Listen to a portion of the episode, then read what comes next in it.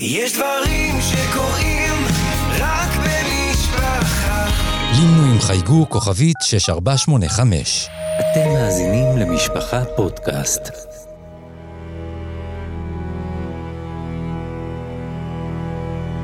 לא תשכח. הרב ישראל גולדווסר מספר את סיפורה של שואת העם היהודי.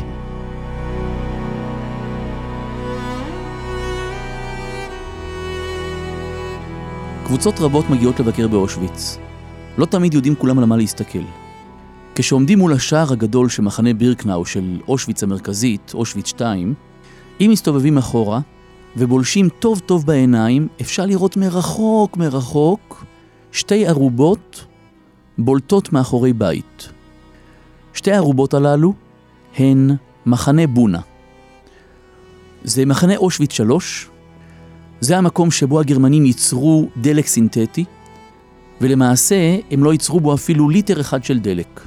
כי בכל פעם שהמפעל היה מוכן, בדמם של אבותינו, 150 אלף יהודים נהרגו בבנייה של המפעל הזה. בכל פעם שהמפעל היה מוכן לפעולה, הגיעו מטוסים של בעלות הברית והפציצו אותו.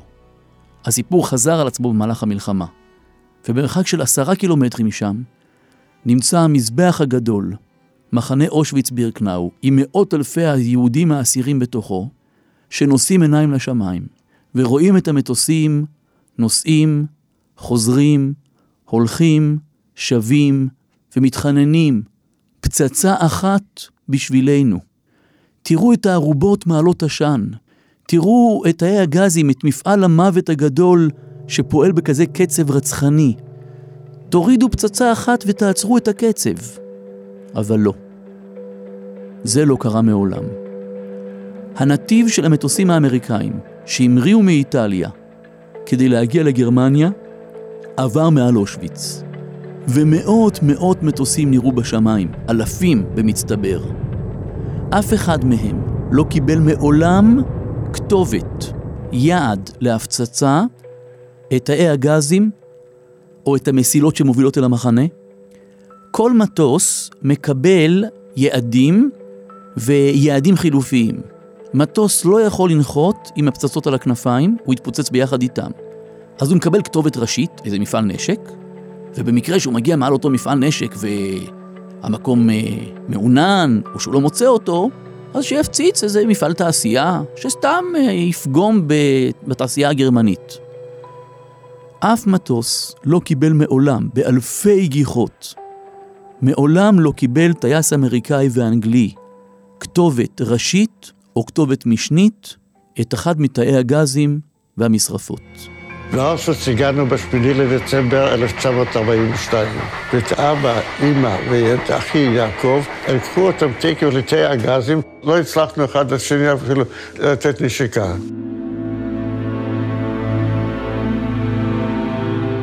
עד שפתחו את הדלתות של תאי הגזים, אנחנו לא ידענו מה אנחנו הולכים לעשות, מה מחכה לנו.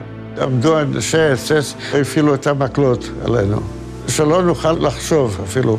הרגע הזה שפתחו את הדלת וראינו גופות של מתים, ואז כבר ידענו מה פה קורה. בתאי הגזים עבדתי בערך שבעה חודשים, ודרוש היה חשמלאי, אז אני הצעתי את עצמי, והודות לזה גם נשארתי בחיים.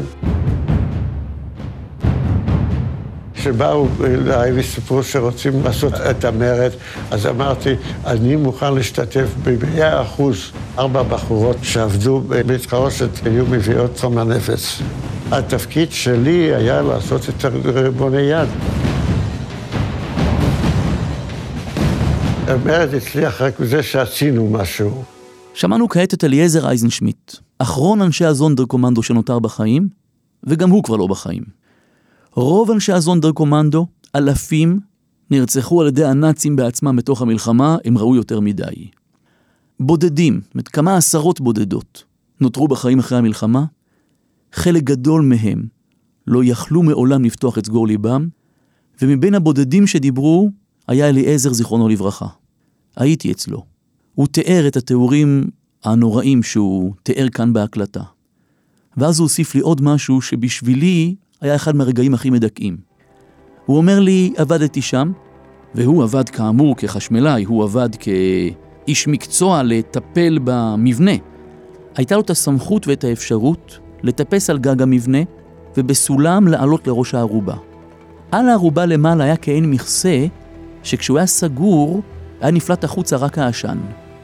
הוא אומר לי, הייתי מטפס בלילות, ופותח את מכסה הברזל, כדי שלהבות האש תצאנה החוצה כמה שיותר גדולות, כדי שאולי איזשהו מטוס אמריקאי שעובר למעלה, בטעות, יחשוב שיש כאן מפעל תעשייה חשוב ויפציץ אותו. אבל מעולם לא. היום אנחנו מכירים את צילומי האוויר של חיל האוויר הגרמני, שמראים בבירור את אושוויץ, עם הרכבות על הפסים, עם היהודים שצועדים על הרמפה, עם רגע הסלקציה, קבוצות של יהודים, קבוצות בודדות של יהודים שצועדים לחיים, ושורות ארוכות שצועדים אל המוות, ורואים להיכן הם צועדים. רואים את שתי הערובות הענקיות פולטות עשן, והיהודים בדרכם אל הגיהנום, והאמריקאים כבר ידעו במה מדובר. אבל פה לא מפציצים. פה, ואני אומר את זה בציניות כאובה, פה הנאצים עושים עבודה חשובה, ואסור להפריע להם. הפרק הזה, אני מזהיר, הוא לא רק פרק עצוב, הוא פרק מקומם. אבל אי אפשר להתעלם. בדרך כלל כששומעים סיפור השואה זה מצמרר, זה מעציב, זה מעורר כאב, זה מעורר השתתפות בצערם של אבותינו. אבל נוח לנו לזרוק את כל האשמה על עם אחד, שהוא גם מנסה להתנתק היום מעברו, היום אין נאצים. הם גרמנים, ואת זה עשו הנאצים. כביכול הנאצים כולם עלו לשמיים, והגרמנים כמו נפלו מאיזה כוכב אחר. אבל נוח לנו לחשוב שמדובר על אלו. צר לי, ואלו העובדות. וככה התורה הראתה לנו את זה מראש, שאנחנו עם לבדד ישכון, והיית לשמה למשל ולשנינה לכל ממלכות הארץ. והלכה בידוע שעשו שונא ליעקב, ואין למטה כוכבית עשו, קרי גרמנים, איראנים, חיזבאללה, לא. צר לנו. כולם כנראה היו מרוצים כשהנאצים עשו בשבילם את העבודה. אנחנו נחזור אחורה לתרצ"ג 1933, עליית הנאצים לשלטון. זה מתחיל עם חוק החרם, זה ממשיך עם חוקים מפלים, עם פיטורים של יהודים, עם נישול מרכוש, חוקי נירנברג, והלחץ הולך ועולה. והארצות שבעולם החופשי מבינות, יודעות, שומעות, שבגרמניה מתנכלים ליהודים. מתעוררת בעיית פליטים, מאות אלפי יהודים בגרמניה רוצים לצאת ממנה. להיכן הם יצאו? בעלות הברית מכנסות את ועידת אביאן. אוספים ראשים של עשרות מדינות שביחד מנהלים חיים של 500 מיליון נפש ושטחים אדירים, ושואלים מי יכול להושיט יד, איפה יד? אצבע, זרת. מי יכול לעזור במשהו לבעיית היהודים הפליטים בגרמניה? כולם נתנו נאומים נמלצים, כולם הסבירו כמה שזה חשוב, ונציג של כל מדינה הסביר בסוף הנאום למה זה כל כך חשוב שמישהו אחר יפתח את השער ליהודים. הבריטים הסבירו שהם לא יכולים כי הם הרי שולטים על ארץ ישראל. ובארץ ישראל הם הרי כתבו את הספר הלבן, ואנשים לא קולטים שהספר הלבן זה תוך כדי אותם ימים נוראים. ההכרזה של הבריטים על סגירת שערי הכניסה לארץ ישראל זה לא רק מאבק פנימי על הארץ, בדרך כלל לומדים את זה יחד עם הלימוד על הקמת המדינה והמחתרות, זה תוך כדי, תוך כדי שהיהודים שם באירופה מרגישים את האדמה רועדת מתחת רגליהם. מאות אלפים מחפשים מקום להיכנס אליו, ושערי הארץ נטרקים. הבריטים אומרים, אם ניתן ליהודים להיכנס לבריטניה, אוטומטים ירצו לבוא לארץ ישראל, לפלסטינה, ושם הערבים לא רואים את זה בעין יפה. אז בעל כורחנו אין לנו אפשרות לקבל יהודים. האמריקאים, אחרי נאום מאוד מאוד אה, נוטף, אה, דבש וצוף, וכמה שהם אוהבים יהודים, וכמה שהם מבינים לליבם, ומסבירים שמה שהם תורמים למאמץ זה לא לבטל את ההשערות של מכסת היהודים מאוסטריה. יש מכסה מסוימת של מהגרים שיכולים להגיע מכל ארץ. אז לגרמניה יש מספר מסוים של מהגרים, וכעת אפשר לנצל את זה למהגרים יהודיים. יש גם מדינה אוסטריה, שגם לה יש סך מסוים של מהגרים שיכולים להתקבל בארצות הברית. אבל כעת אין אוסטריה. הגרמנים הרי סיפחו אותה באנשלוס המפורסם, והאמריקאים ברוב טובם מועילים לא לבטל את ההשערות של האוסטרים, ייתנו את המכסה הזאת של היהודים להיכנס פנימה. מאות אלפים מתחננים, מתדפקים על דלתות העולם החופשי, והם נותנים טפטוף של אלף, אלפיים, אלפים בודדים. הכי מקוריים היו האוסטרלים. הם הסבירו שהם נגד אנטישמיות. הם ממש נגד אנטישמיות, וכרגע אין אנטישמיות באוסטרליה. ואם יבואו יהודים, עלולה להתפתח אנטישמיות, והם לא רוצים אנטישמיות אצלם במדינה. ארורים הרשעים, אין טובתם שלימה, ואפילו לא חלקית.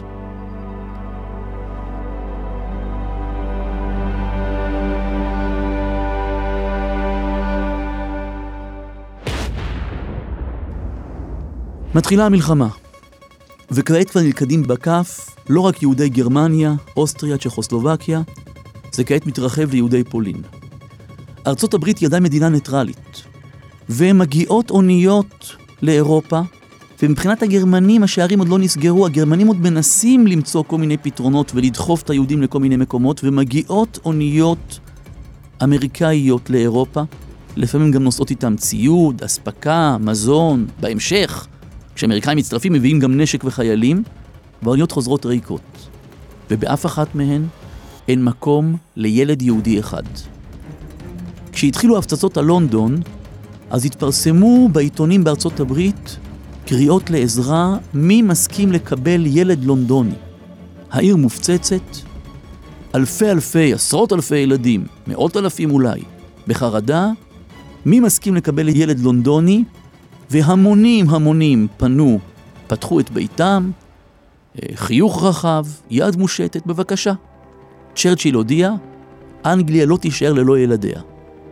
העבירו את ילדי לונדון אל הכפרים סביב, כדי למלט אותם מפחד ההפצצות. ואז, בעיתון בנושא בעלי חיים בלוס אנג'לס התפרסמה מודעה.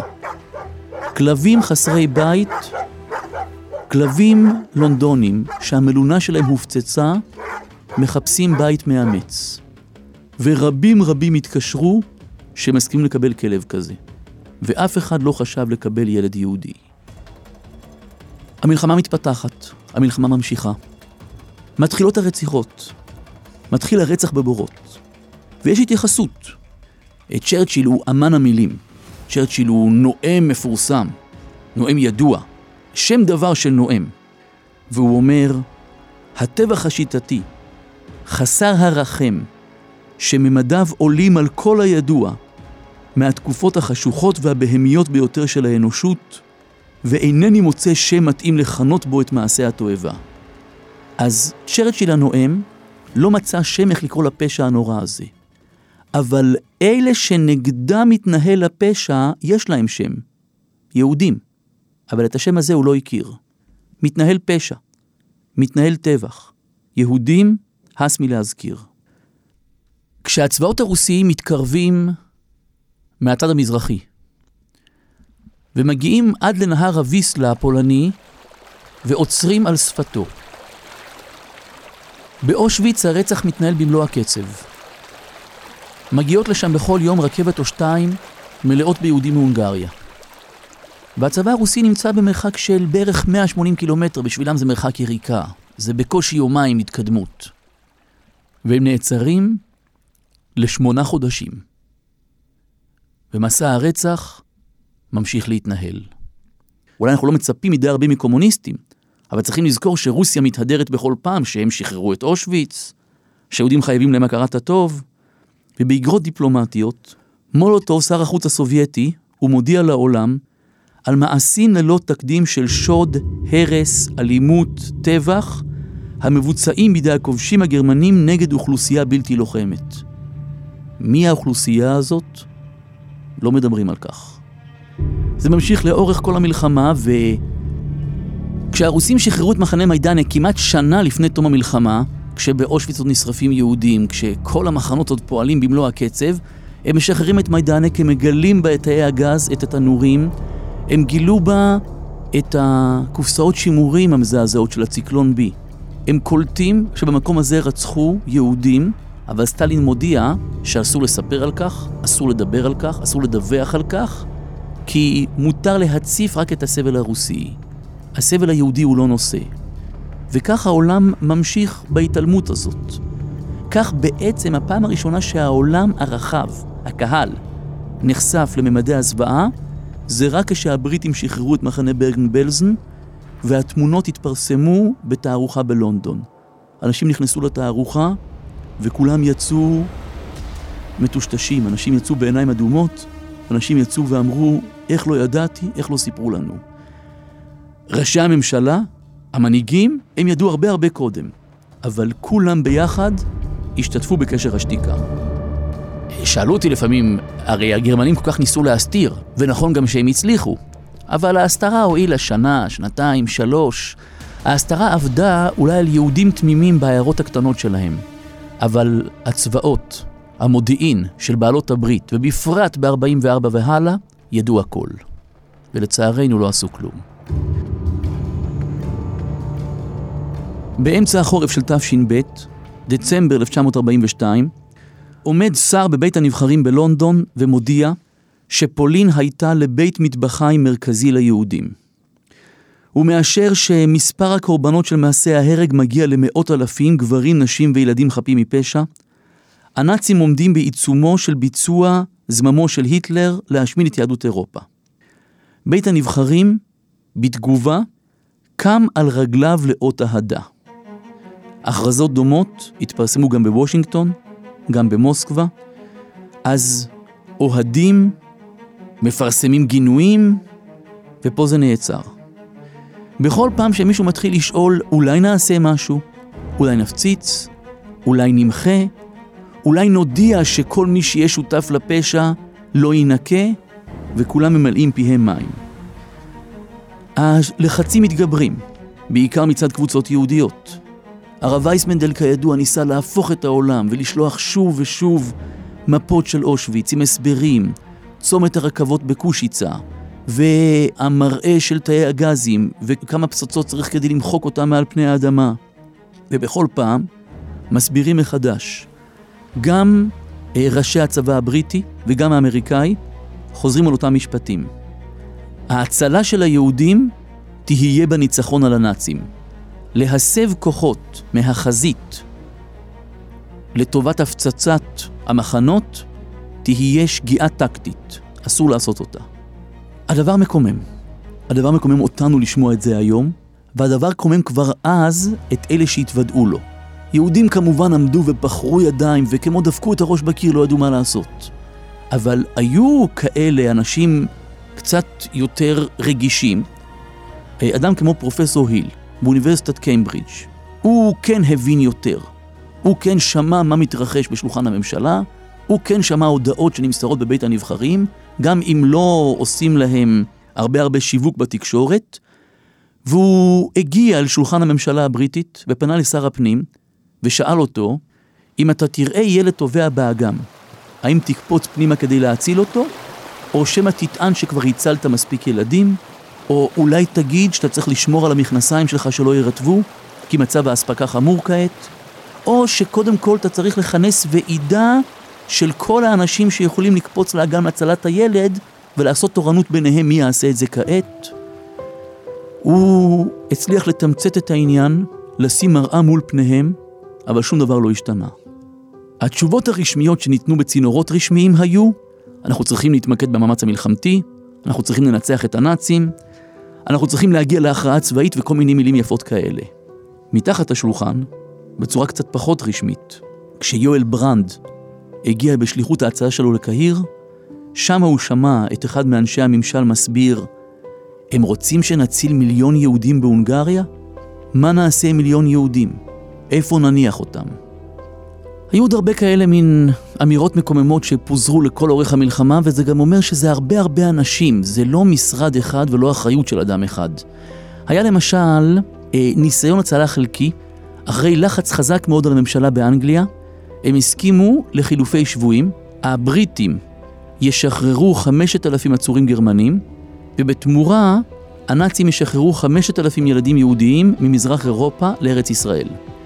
הכל כבר היה מדובר, הכל כבר היה כתוב, ואז איזשהו נציג תקע את הרכבת הזאת, הוא אמר, זה לא חילופי אזרחים.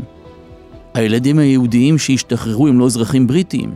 וככה חמשת אלפים ילדים יהודיים הוקרבו על מזבח הפרוטוקול. הפשע מתחלק לשלושה חלקים. החלק הראשון, הסירוב לקלוט יהודים, הסירוב לתת אשרות כניסה, הסירוב בזמן שהייתה אפשרות מצד הנאצים להוציא יהודים בתנאי שיהיה להם איזשהו מקום שהם ייכנסו אליו, ואף אחד לא מסכים. החלק השני של הפשע זה חוסר המעש בתוך המלחמה. בשום אופן לא להפציץ את המחנות, ואם התירוץ הקבוע היה, התירוץ של מחלקת המלחמה בהפצצות היה או אסור להסיח דעת מהמטרות הצבאיות האמיתיות, גם בזה הם לא החזיקו מים. כשהייתה אוניית סוחר אמריקאית שנפלה בשבי בידי הצבא הגרמני, מיד מיד נשלחו כמה משחטות כדי לשחרר אותה, בליווי של מטוסים. זה כן היה נחוץ, זה לא נקרא הסחת דעת מהמטרות האמיתיות של המבצע הצבאי, אבל התירוץ השני לגבי תאי הגזים היה שחיים שם אנשים. אי אפשר להפציץ מחנה שבויים, זה לא עומד באמנות בינלאומיות. והיהודים התחננו, יהודים שברחו מאושוויץ התחננו. רדיו אושוויץ, זה נשמע לא יאומן, אבל באושוויץ אחד היה משדר רדיו, והיהודים משדרים משם לעולם החופשי, ומתחננים, תפציצו. ואם ימות יהודי בהפצצה, אבל עשרת אלפים יהודים לא ימותו. על כל אחת מהמשרפות שתופצץ ותפסיק לעבוד רק לשבוע, נציל חיים של אלפים רבים. אז למה לעצור? כשהם הולכים להפציץ במפעלי הגומי הסינתטי, במפעלי בונה מנוביץ', הם לא מחשבים כמה יהודים ימותו שם בהפצצות, ומתו יהודים בהפצצות. אבל לתאי הגזים אסור להפציץ. גם אם נחשוב שמישהו באמת התכוון ברצינות למה שהוא אמר, אז הגיעה ההצעה השנייה. אז תפציצו את הצמתים של הרכבות. תפרקו את הפסים. אם אתם כל כך חוששים לחיי האדם, אז גם לזה יש פתרון. וכמובן שפה יצא המרצע מן השק. אף אחד לא ינקוף אצבע לטובת יהודים. החלק השלישי של הפשע היה הטשטוש וההסתרה. הם יודעים שככל שזה יתפרסם, אז קולות המחאה ילכו ויתגברו, גם של יהודים ואולי גם של אחרים. מחלקת המדינה בוושינגטון עושה מאמצים נואשים למנוע את חדירת הידיעות על האירועים באירופה לעיתונות, לדעת הקהל האמריקאית. היהודים מצידם עושים כל מאמץ לפרסם, להפיץ, לשלוח, לידע. אה, הייתה הוראה של השירות הדיפלומטי האמריקאי, שכל הודעה שמגיעה למשל מהקונגרס היהודי בז'נבה, כל הודעה שמגיעה מכל מיני נציגויות יהודיות וכל מיני ועדות הצלה, קודם כל צריכים להעביר אותם לצנזורה, כדי שמחלקת המדינה תוכל לוודא תחילה את נכונותם. אחרי חודשיים נמסרו הידיעות לתעודתן, והיה כללים את מה לפרסם ואת מה לא ובאיזה הגבלות. היו פעמים שסגן שר החוץ כבר אישר הודעות לפרסום, ואז הגיעה מחלקת המדינה ואמרה, לא, אסור להשתמש בשירות דואר דיפלומטי להעברת ידיעות פרטיות. ועם כאלה מין כללים יבשים ופרוטוקולים, נתנו ליהודים ללכת לאבדון, בלי שבכלל מישהו יוכל לדעת ולמחות ולהתקומם. התירוצים היו מכל הסוגים והמינים, עם המון המון מקוריות וכביכול הבעת אהדה.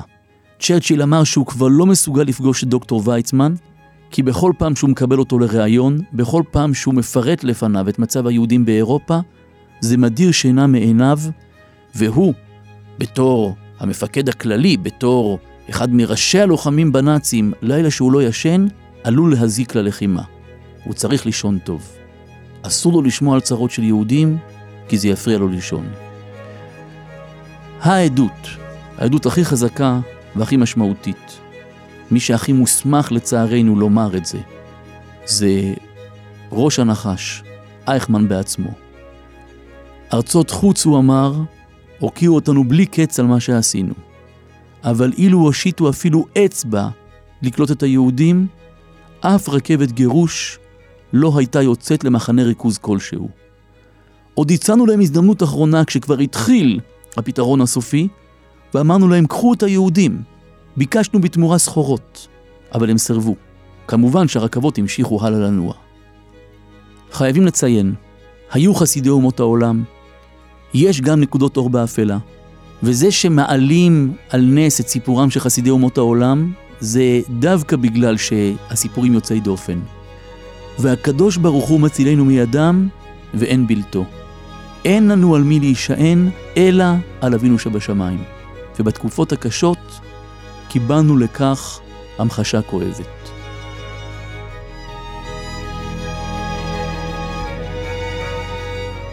האזנתם ל"לא תשכח" מבית משפחה פודקאסט. אני ישראל גולדווסר, תודה לכם שהאזנתם לנו, ואני רוצה להודות בשמכם לכל אלה שעסקו במלאכה, לעורכת תהילה סיטון, למפיקה איילה גולדשטיין ולעורכת הסאונד שיראל שרף. אפשר להזין לפרקים נוספים בכל אפליקציות הפודקאסטים, באתר משפחה ובקו הטלפון 02 652 3820